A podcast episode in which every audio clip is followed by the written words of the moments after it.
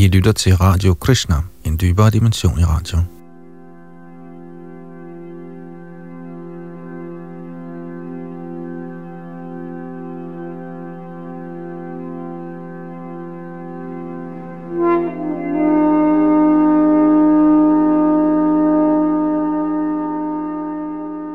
Vi skal i det kommende fortsætte vores gennemgang af den nye danske oversættelse af Bhagavad Gita.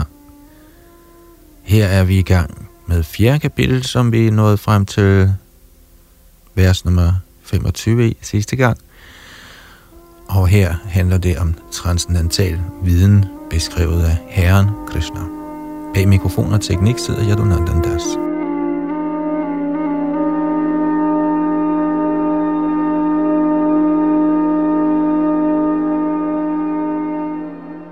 Tekst 26. Shrotradi nindriyanyanye sangyamagnishu juhvati. Shabdadin vishayananya indriyagnishu juhvati. Note. De uforfalskede brahmacharier og fra hørelsen og sanserne i det beherskede sinds ild og andre, de regulerede familieforsørgere og fra sanseobjekterne i sansernes ild. Hertil kommenterer A.T. Bhaktivedanta Swami Prabhupada.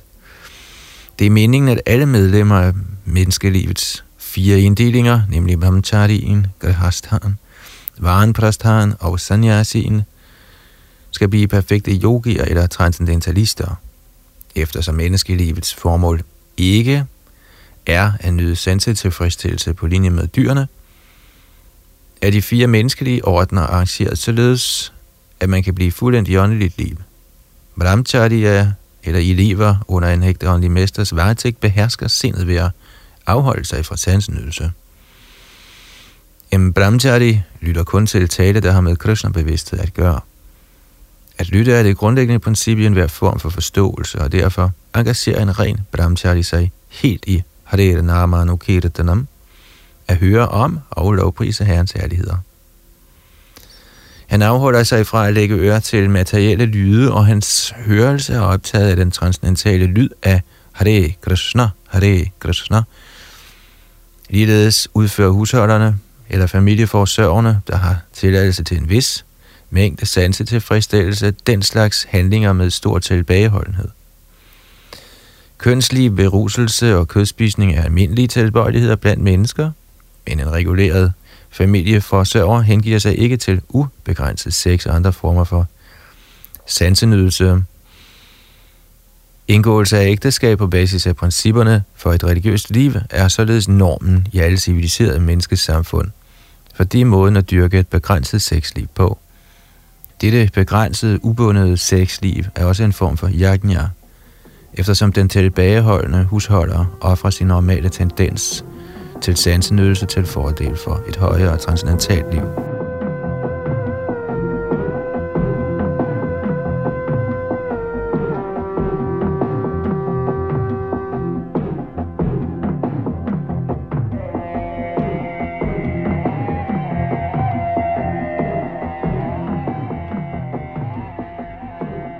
Tekst 27 sarvani indriya karamani prana karamani chapri atma yoga dipite andre, der er interesseret i at opnå selverkendelse ved at beherske sindet og sanserne, frembærer alle sansernes og livsluftens funktioner som offergaver i det beherskede sinds ild. Kommentar. Her henvises der til det er Patanjali udtænkte yogasystem. I Patanjalis Yoga Sutra bliver sjælen betegnet som Pratyagatma og Paragatma. Så længe sjælen er knyttet til sansenydelse, kaldes den Paragatma, men lige så snart den samme sjæl bliver fri fra bånd til denne sansenydelse, kaldes sjælen Pratyagatma. Sjælen er underlagt funktionerne af 10 slags lufte, der virker inde i kroppen, hvilket kommer til udtryk gennem åndedrætssystemet. Patanjalis yogasystem lærer en, hvordan man på en mekanisk måde behersker kropsluftens funktioner, så alle de indre luftstrømninger i sidste ende medvirker til at rense sjælen for en materiel tilknytning. Ifølge dette yogasystem er pratyagatma det endelige mål. Denne pratyagatma trækkes tilbage fra materielle aktiviteter.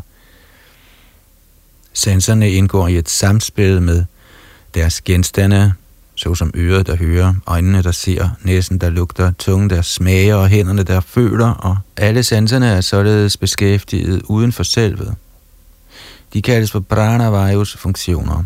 Appanavayu strømmer nedad, Vyanavayu sammentrækker og udvider, Samanavayu regulerer balancen, Uddanavayu strømmer opad, og når man er oplyst, bruger man alle disse til at søge efter selvrealisering.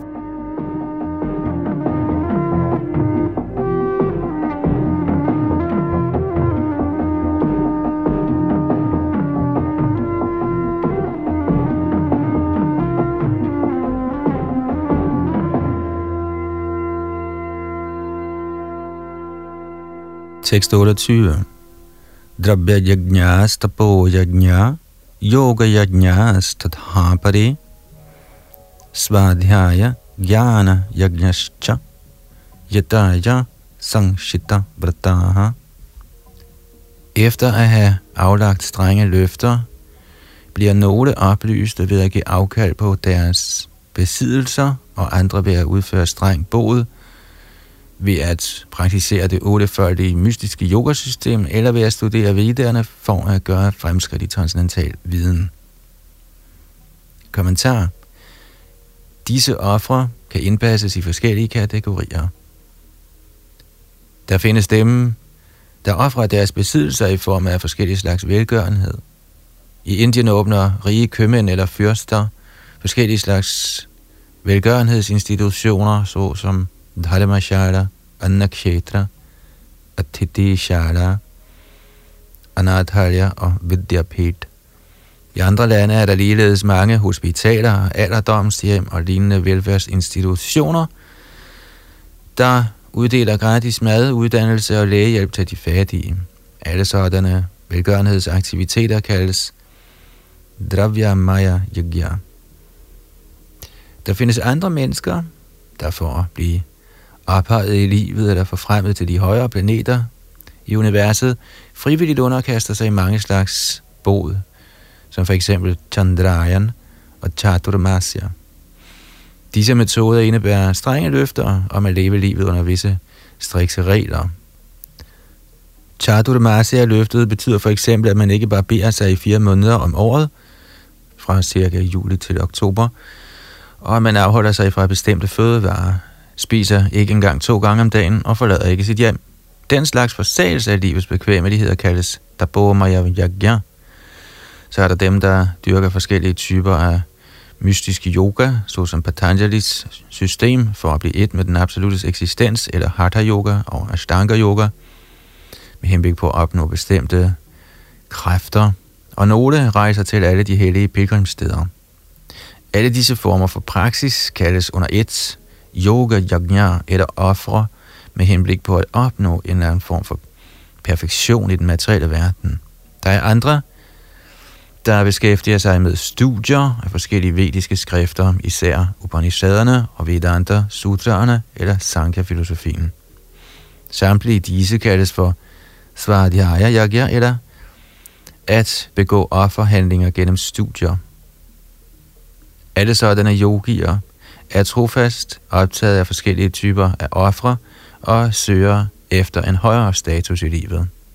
Krishna-bevidsthed adskiller sig imidlertid fra disse, eftersom der her er tale om den højeste herres direkte tjeneste.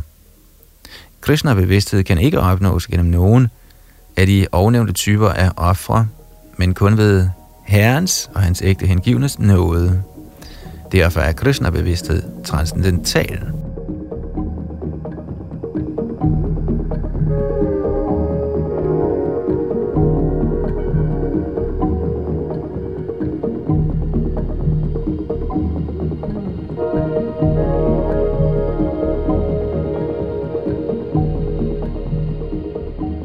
629. Pane juhvati pranang prane pranang tathai pare prana panagati rudhva pranayama parayanaha. Andre, der vælger at beherske åndedrættet for at kunne forblive i trance, praktiserer ved at ofre det udadgående åndedræts bevægelse i det indadgående og det indadgående åndedræt i det udadgående, for endeligt til sidst at forblive i trance og ophøre med al vejrtrækning. Andre indskrænker deres indtagelse af føde og offrer det udadgående åndedræt tilbage i sig selv som en offring. Kommentar. Dette yogasystem, hvor man behersker åndedrættet, kaldes pranayam, og i begyndelsen praktiseres det i Hatha Yoga systemet gennem forskellige sidestillinger. Alle disse metoder anbefales for at beherske sanserne og gøre fremskridt i åndelig erkendelse. Denne praksis, altså pranayam, involverer beherskelse af livsluften inde i kroppen for at få dem til at løbe i modsat retning. Abana-luften går nedad, og prana-luften går opad.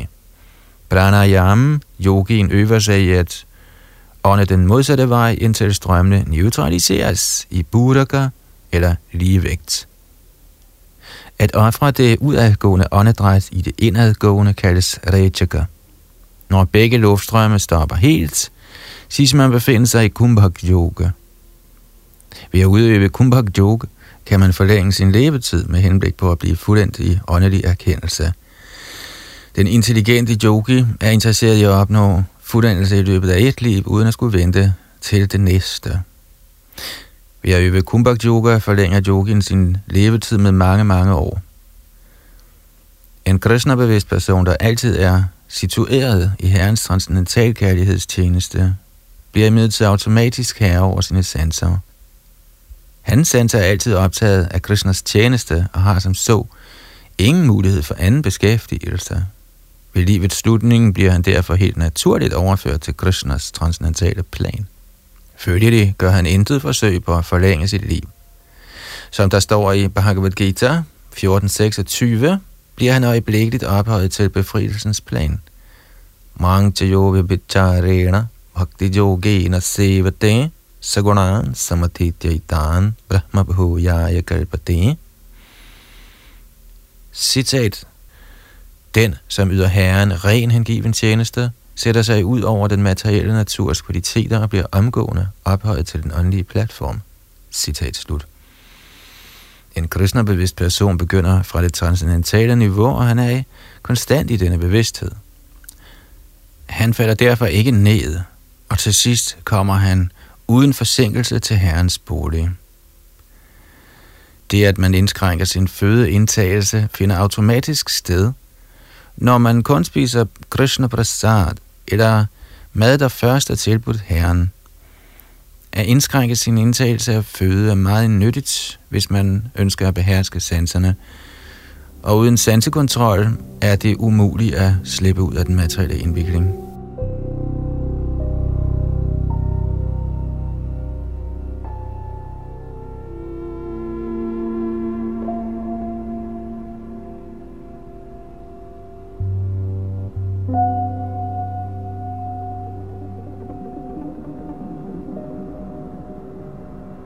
Tekst 30. Sarvepyete yagyavido yagya kshapita kalmashaha yagnya shishtamrita bhujjojanti brahma sanatanam. Alle disse udøvere, der kender formålet med ofre, bliver renset for syndige reaktioner, og fordi de har smagt det nektarsøde resultat af sådanne ofre, stiger de opad mod den højeste åndelige sfære. Kommentar er den foregående forklaring på de forskellige typer ofre, nemlig at ofre besiddelser, studere veder eller filosofiske doktriner og øvelse af yogasystemet, fremgår det, at det fælles mål for dem alle er at styre sanserne. Sansen nydelse er selve roden til materiel eksistens. Med mindre og indtil man befinder sig på et stadie, hvor man er hævet over nydelse af senserne er der ingen mulighed for at blive ophøjet til den evige platform af fuldstændig viden, fuldstændig lykke og et fuldendt liv. Dette stadie tilhører den evige atmosfære, eller Brahman-atmosfæren. Alle de ovennævnte ofre hjælper en til at blive renset for den materielle tilværelses syndige reaktioner. Et sådan fremskridt i livet gør en ikke blot lykkelig og velstående i dette liv, men til sidst kommer man også til Guds evige rige ved enten at blive et med den upersonlige Brahman eller slutte sig til guddommens højeste person, Krishnas selskab.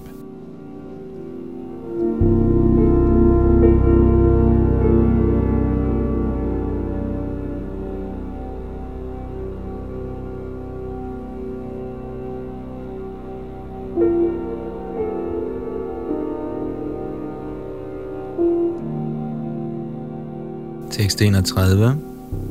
Nayang logo yasya kutonya kurusattama. O du, Kuru-dynastiets bedste. Uden offring kan man aldrig leve lykkeligt, hverken på denne planet eller i dette liv, for der slet ikke at tale om det næste. Kommentar.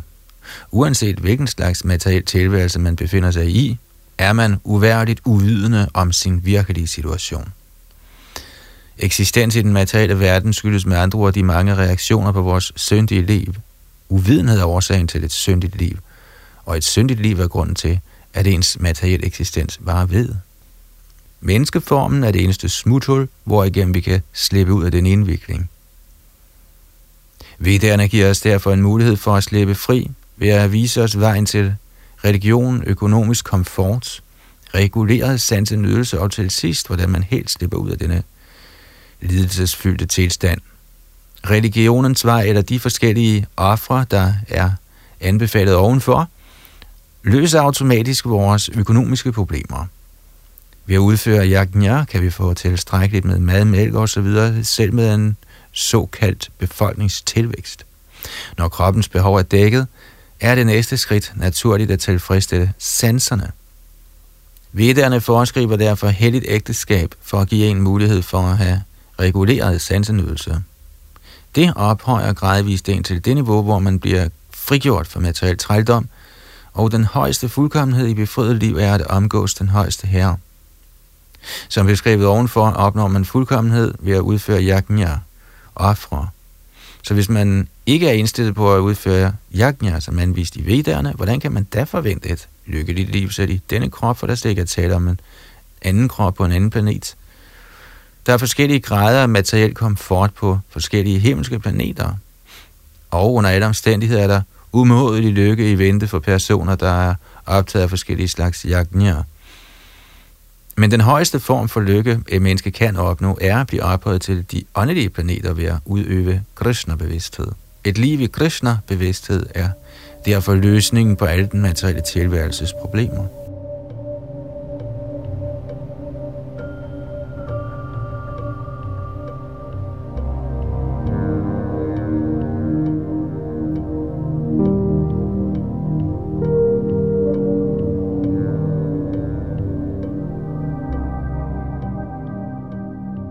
632.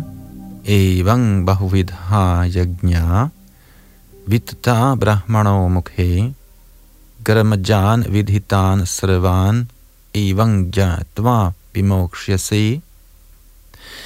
Alle disse forskellige former for afra er godkendt af vedderne, og alle udspringer de af forskellige former for arbejde. Ved at kende dem som så, vil du blive befriet. Kommentar. Som beskrevet ovenfor står der i vedderne, at forskellige typer ofre passer til forskellige typer arbejdere. Fordi mennesker er så dybt optaget af den læmelige livsopfattelse, er disse ofre arrangeret på en sådan måde, at man enten kan arbejde med kroppen, med sindet eller med intelligensen.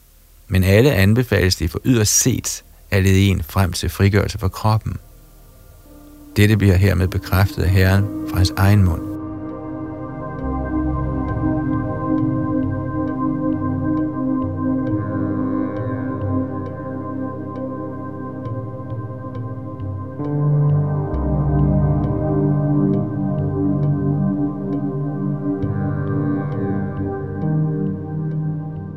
Tekst 33.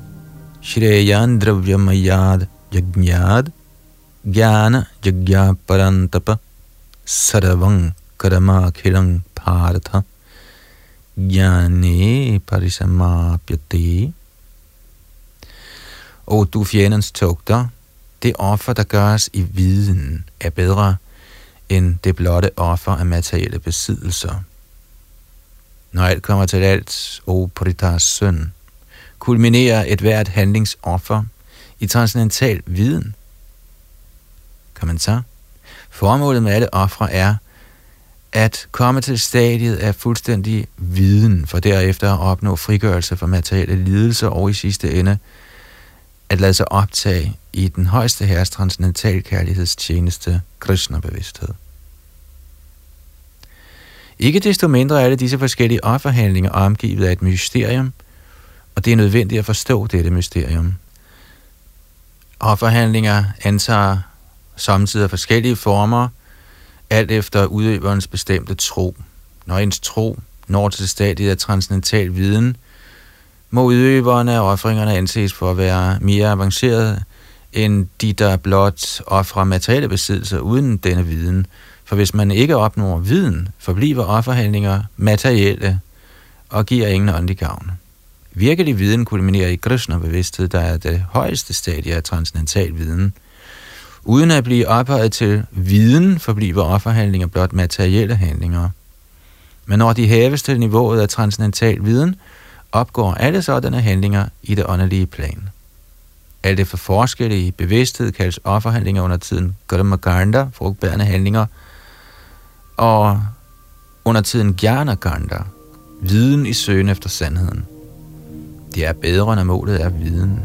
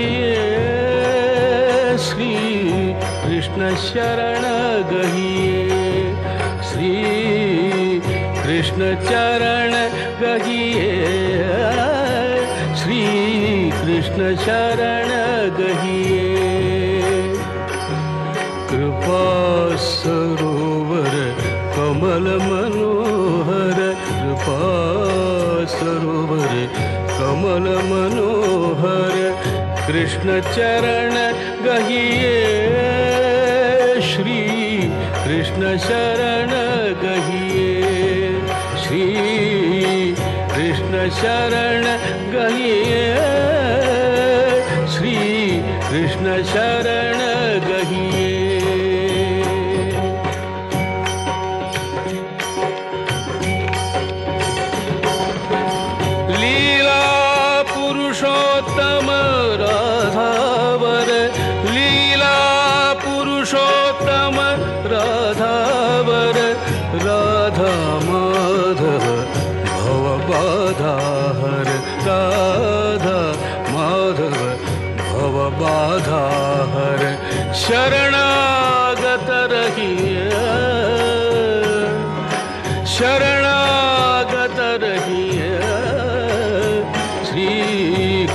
शरण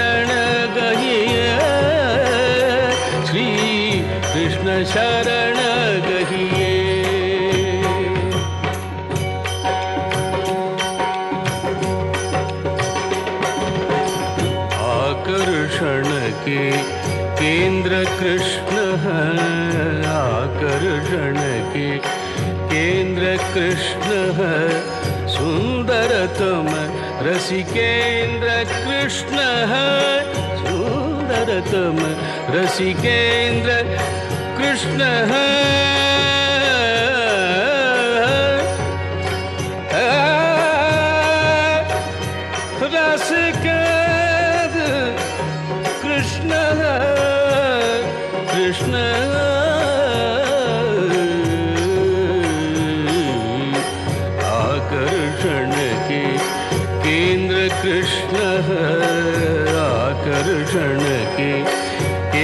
कृष्ण है, सुंदरतम रसिकेंद्र कृष्ण है, सुंदरतम रसिकेंद्र कृष्ण है, कृष्ण कृष्ण कहिए।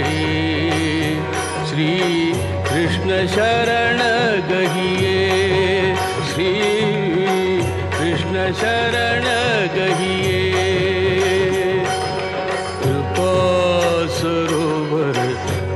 मनोहर कृपासरोवर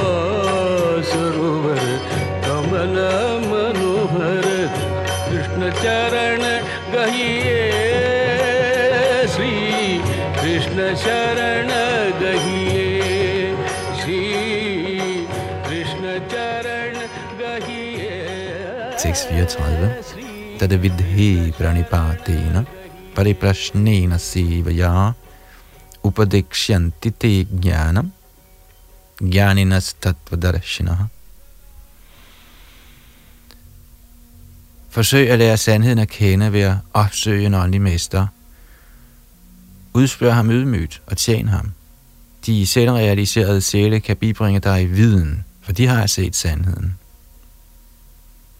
Kommentar. Vejen til åndelig indsigt er uden tvivl svær. Herren råder os derfor til at opsøge en ægte åndelig mester i disciplerækken fra Herren selv. Ingen kan være en ægte åndelig mester uden at følge dette princip med disciplerække. Herren er den oprindelige åndelige mester, og en person i disciplerækken kan viderebringe Herrens budskab, som det er til sin disciple. Ingen kan blive åndeligt realiseret ved at lave sin egen proces, hvilket er en sædvane blandt tåbelige hyggelere. Ifølge Bhagavad 6. bog, kapitel 3, tekst 19, Dhadamang tu sakshat bhagavat pranitam. Religionens vej er formuleret direkte af Herren. Derfor kan intellektuelle spekulationer eller tørre argumenter ikke hjælpe en på rette vej, og heller ikke gennem boglige studier på egen hånd, kan man gøre fremskridt i åndeligt liv. Man er nødt til at henvende sig til en ægte åndelig mester for at få denne viden.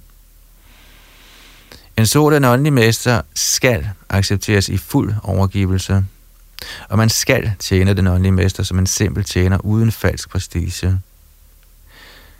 At stille den selvrealiserede åndelige mester tilfreds er hemmeligheden bag succes i åndeligt liv.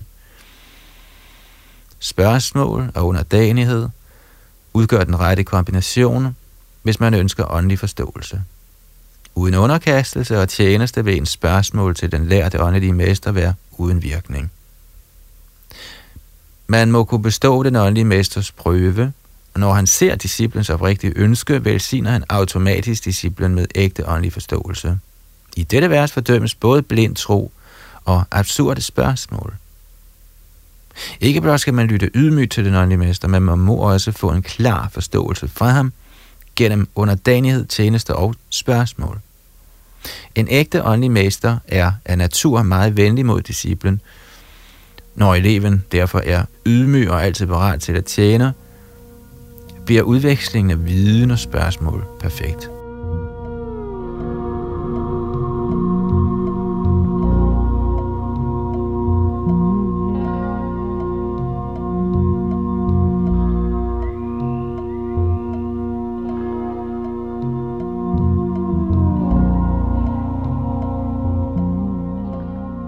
635 Yajnatva napunaramohan evang yasya pandava jena bhutanya sheshani drakshyasyatmanyathomayi Efter at have fået virkelig viden af en selvrealiseret sjæl, vil du aldrig mere komme under en sådan illusion, da du gennem denne viden vil se, at alle levende væsener ikke er andet end dele af den højeste, eller at de med andre ord er mine. Kommentar Resultatet af at modtage viden fra en selvrealiseret sjæl, eller den, som kender tingene som de er, er at lære, at alle levende væsener er uafskillige dele af Guddoms højeste person, Herren, Shri Krishna. Fornemmelsen af en eksistens adskilt fra Krishna kaldes Maya. Ma, ikke ja, dette. Nogle tror, at vi intet har at gøre med Krishna, at Krishna kun er en mægtig historisk skikkelse, og at det absolute er den upersonlige Brahman. I virkeligheden er den upersonlige Brahman, ligesom det fastslås i Bhagavad Gita, Krishnas personlige stråleglans. Krishna er som guddommens højeste person altings årsag. Der står tydeligt i Brahma Samhita, at Krishna er guddommens højeste person, alle årsagers årsag. Selv de mange millioner af inkarnationer er intet andet end hans forskellige ekspansioner eller udvidelser. De levende væsener er ligeledes Krishnas udvidelser. Mayavadi filosoferne tror fejlagtigt, at Krishna mister sin egen adskilte eksistens i sine mange udvidelser. Den opfattelse er materiel i sit væsen. I den materielle verden har vi erfaring for, at en ting mister sin egen oprindelige identitet, når den deles op i brudstykker. Hvad Mayavadi-filosoferne ikke forstår, er, at absolut betyder, at 1 plus 1 er lige med 1, og at 1 minus 1 også er lige med 1. Sådan er det i den absolute verden.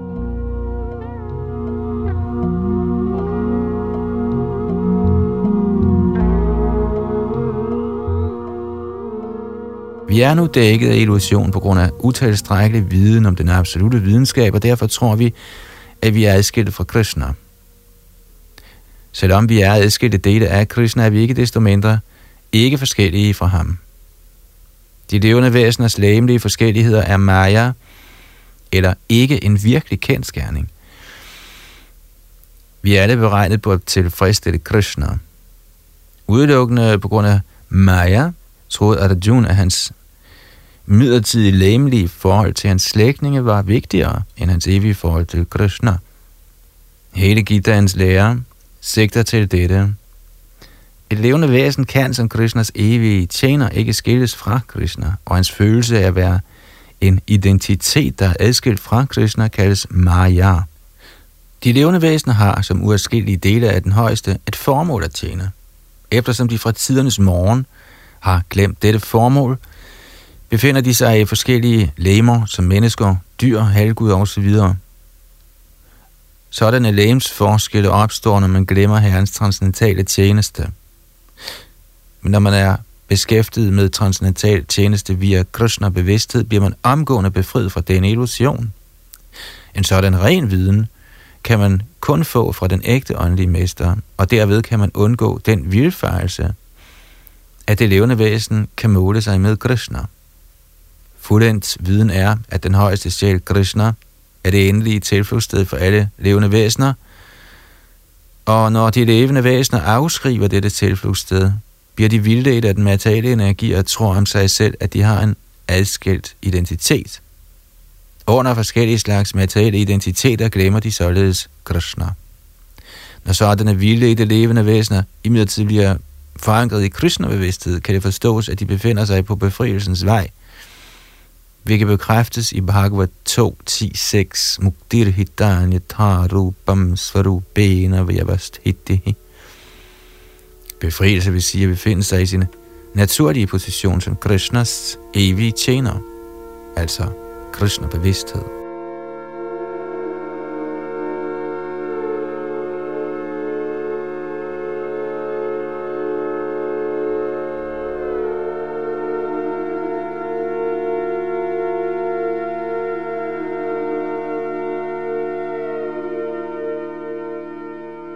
tekst 36.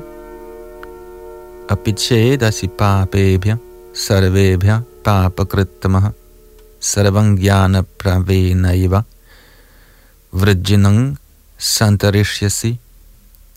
Selvom du anses for at være den mest syndige af alle syndere, vil du kunne sejle over lidelsernes ocean, når du befinder dig i den transcendentale vidensbåd. Kommentar. Korrekt forståelse af ens naturlige stilling i forhold til Krishna er så forunderlig en ting, at den med det samme kan løfte en ud af den kamp for tilværelsen, der foregår i uvidenhedens ocean. Den fysiske verden sammenlignes samtidig med et hav af uvidenhed og samtidig med en skov i brand. I havet er kampen for overlevelse meget hård, uanset hvor dygtig en svømmer man måtte være. Kommer nogen og løfter den kæmpende svømmer op af havet, er vedkommende den største frelser. Vejen til frelse er at modtage perfekt viden fra guddommens højeste person. Den kristnebevidste båd er meget enkel, men samtidig den mest ophøjet.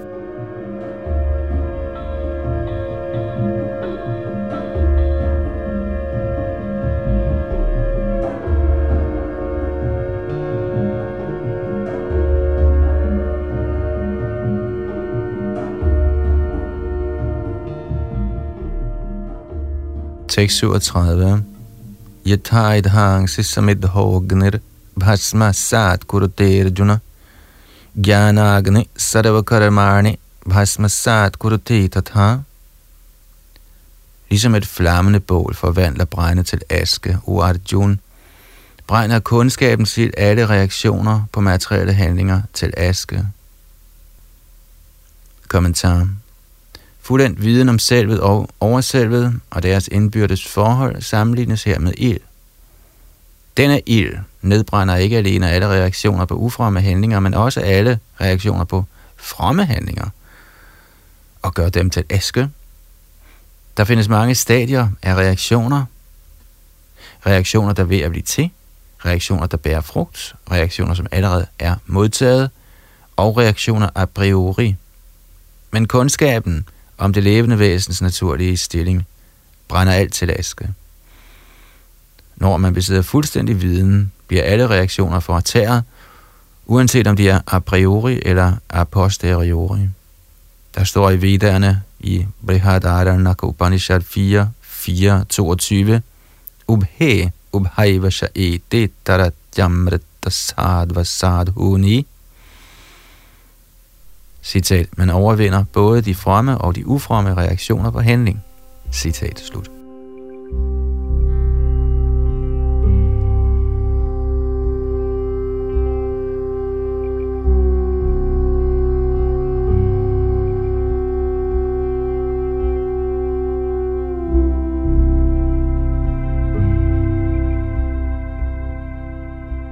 Tekst 38 न हि ज्ञानेन सदृशं पवित्रम इह विद्यते तत्स्वयं yoga sangsidha natmani vindati. I denne verden er der intet så ophøjet og rent som transcendental viden. Denne viden er den modne frugt af al mysticisme. Og når tiden er inde, nyder den, der er blevet perfekt i dyrkning af hengiven tjeneste, denne viden ind i sig selv – Kommentar. Når vi taler om transcendental viden, gør vi det i betydningen af åndelig forståelse. Som så findes der intet, der er så ophøjet og rent som transcendental viden. Uvidenhed er årsag til vores trældom, og viden er årsag til vores befrielse. Denne viden er den modne frugt af en given tjeneste, og når man befinder sig i transcendental viden, behøver man ikke at søge fred noget andet sted, fordi man nyder fred ind i sig selv. Denne vidner fredfyldthed kulminerer med andre ord i Krishna-bevidsthed. Det er den endelige konklusion i Bhagavad Gita.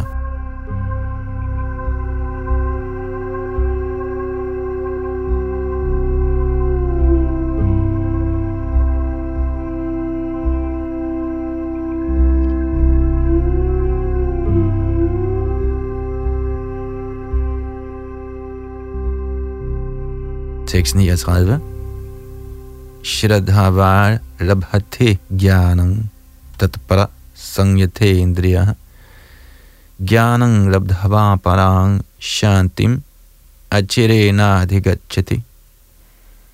Et menneske, der med tro har videt sit liv til transcendental viden, og som betvinger sine sanser, er kvalificeret til at få denne viden, og efter at have fået den, opnår dette menneske snart den højeste åndelige fred. Kommentar. En sådan viden i Krishna bevidsthed kan opnås af en troende person, der har fuld tillid til Krishna. Man kan kalde sig troende menneske, når man har tro på, at man blot ved at handle i Krishna bevidsthed kan nå til den højeste fuldendelse. En sådan tro opnås gennem ydelse af hengiven tjeneste og ved recitation af Hare Krishna, Hare Krishna, Krishna, Krishna, Hare Hare, Hare Rama, Hare Rama, Rama, Rama, Hare Hare. Hvilket renser hjertet for alle materielle urenheder. Derudover skal man beherske sine sanser. Den, som har tro på Krishna og som behersker sine sanser, kan let og ufortøvet opnå fuldkommenhed i viden om Krishna-bevidsthed.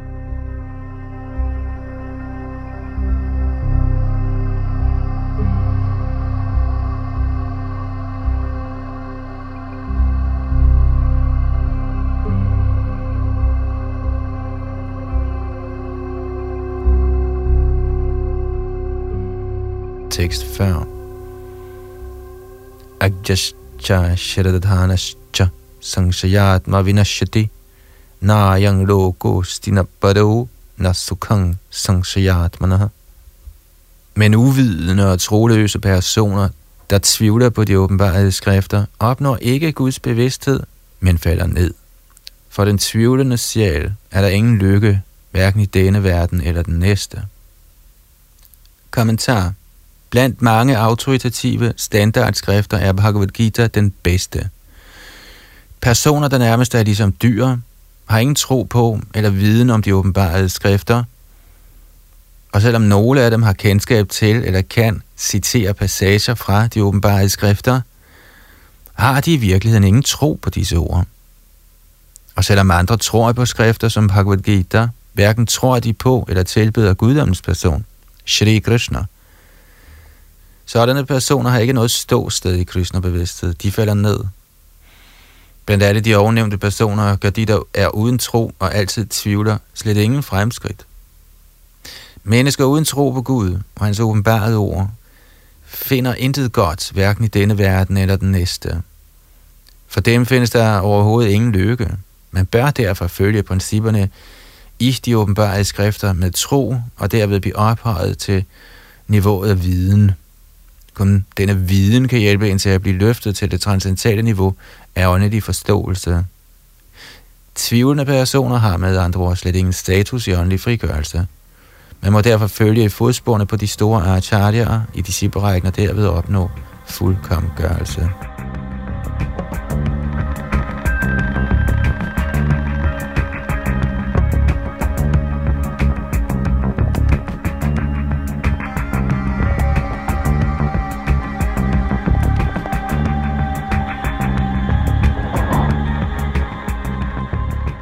Tekst 41. Yoga sanyasta karamarang jnana sanchinna sanshayam atmavantang karamarni nibadhnati dhananjaya. Den, som handler i hengiven tjeneste og forsager frugterne af sine handlinger, og hvis tvivl er blevet tilindegjort af transcendental viden, hviler helt i selvet. Han er således ikke bundet af sit arbejdes reaktioner, og du vinder af rigdomme. Kommentar. Den, der følger instruktionerne i Bhagavad Gita, som de begivet af Herren, den højeste guddom i egen person, bliver gennem nåden fra transcendental viden fri for alt tvivl. Han er, som Herrens uadskillige del i fuld Krishna-bevidsthed, allerede forankret i viden om selvet, som så er han utvivlsomt hævet over det at være bundet til sine handlinger.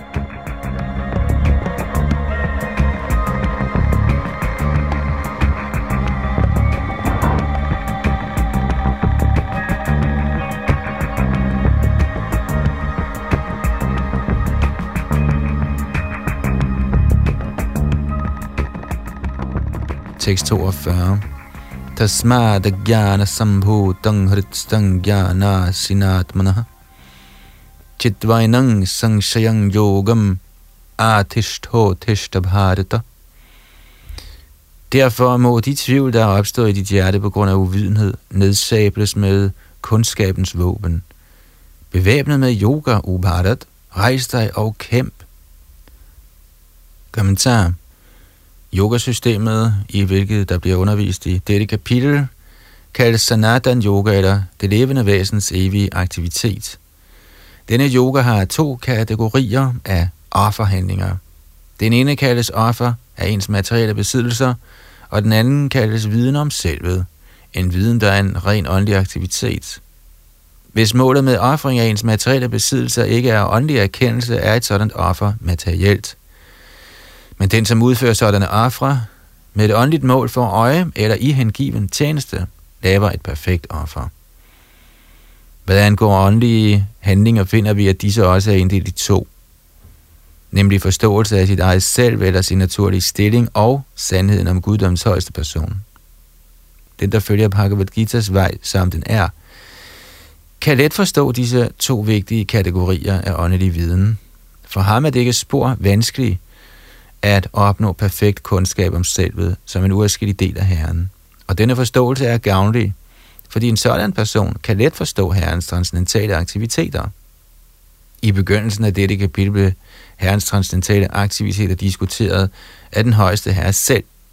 Den, som ikke forstår Gitaens instruktioner, er troløs og må anses for at misbruge den fragmentariske frihed, Herren har givet ham. Den, der på trods af disse belæringer ikke forstår den virkelige natur af Herren, som guddommens evige, lyksalige, alvidende person, er med sikkerhed den største tåbe.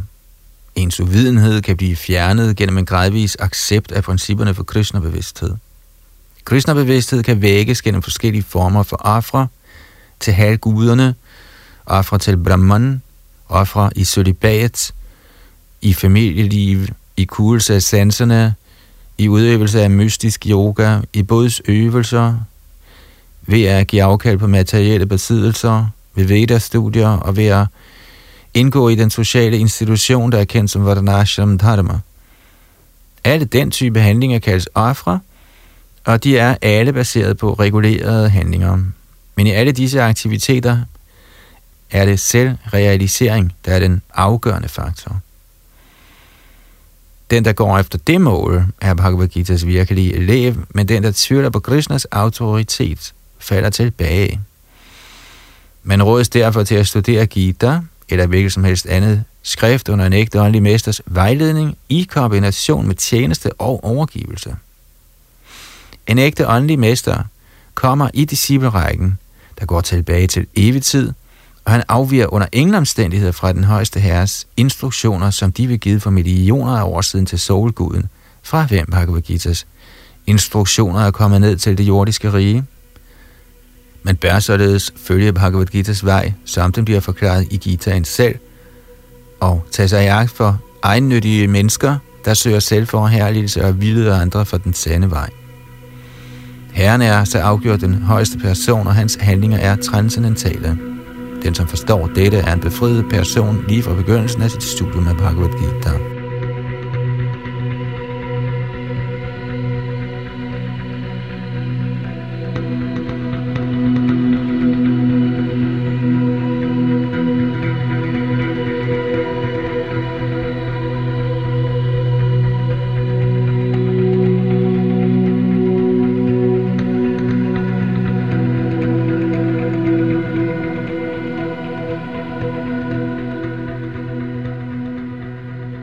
Således ender Bhaktivedanta forklaringer til Bhagavad Gita's fjerde kapitel, Transcendental Viden. Og her holder vi så for denne ombæring af vores Bhagavad Gita læsning. Næste gang fortsætter vi så med femte kapitel, og det var her Yadunandandas bag mikrofonen, og han styrede også teknikken.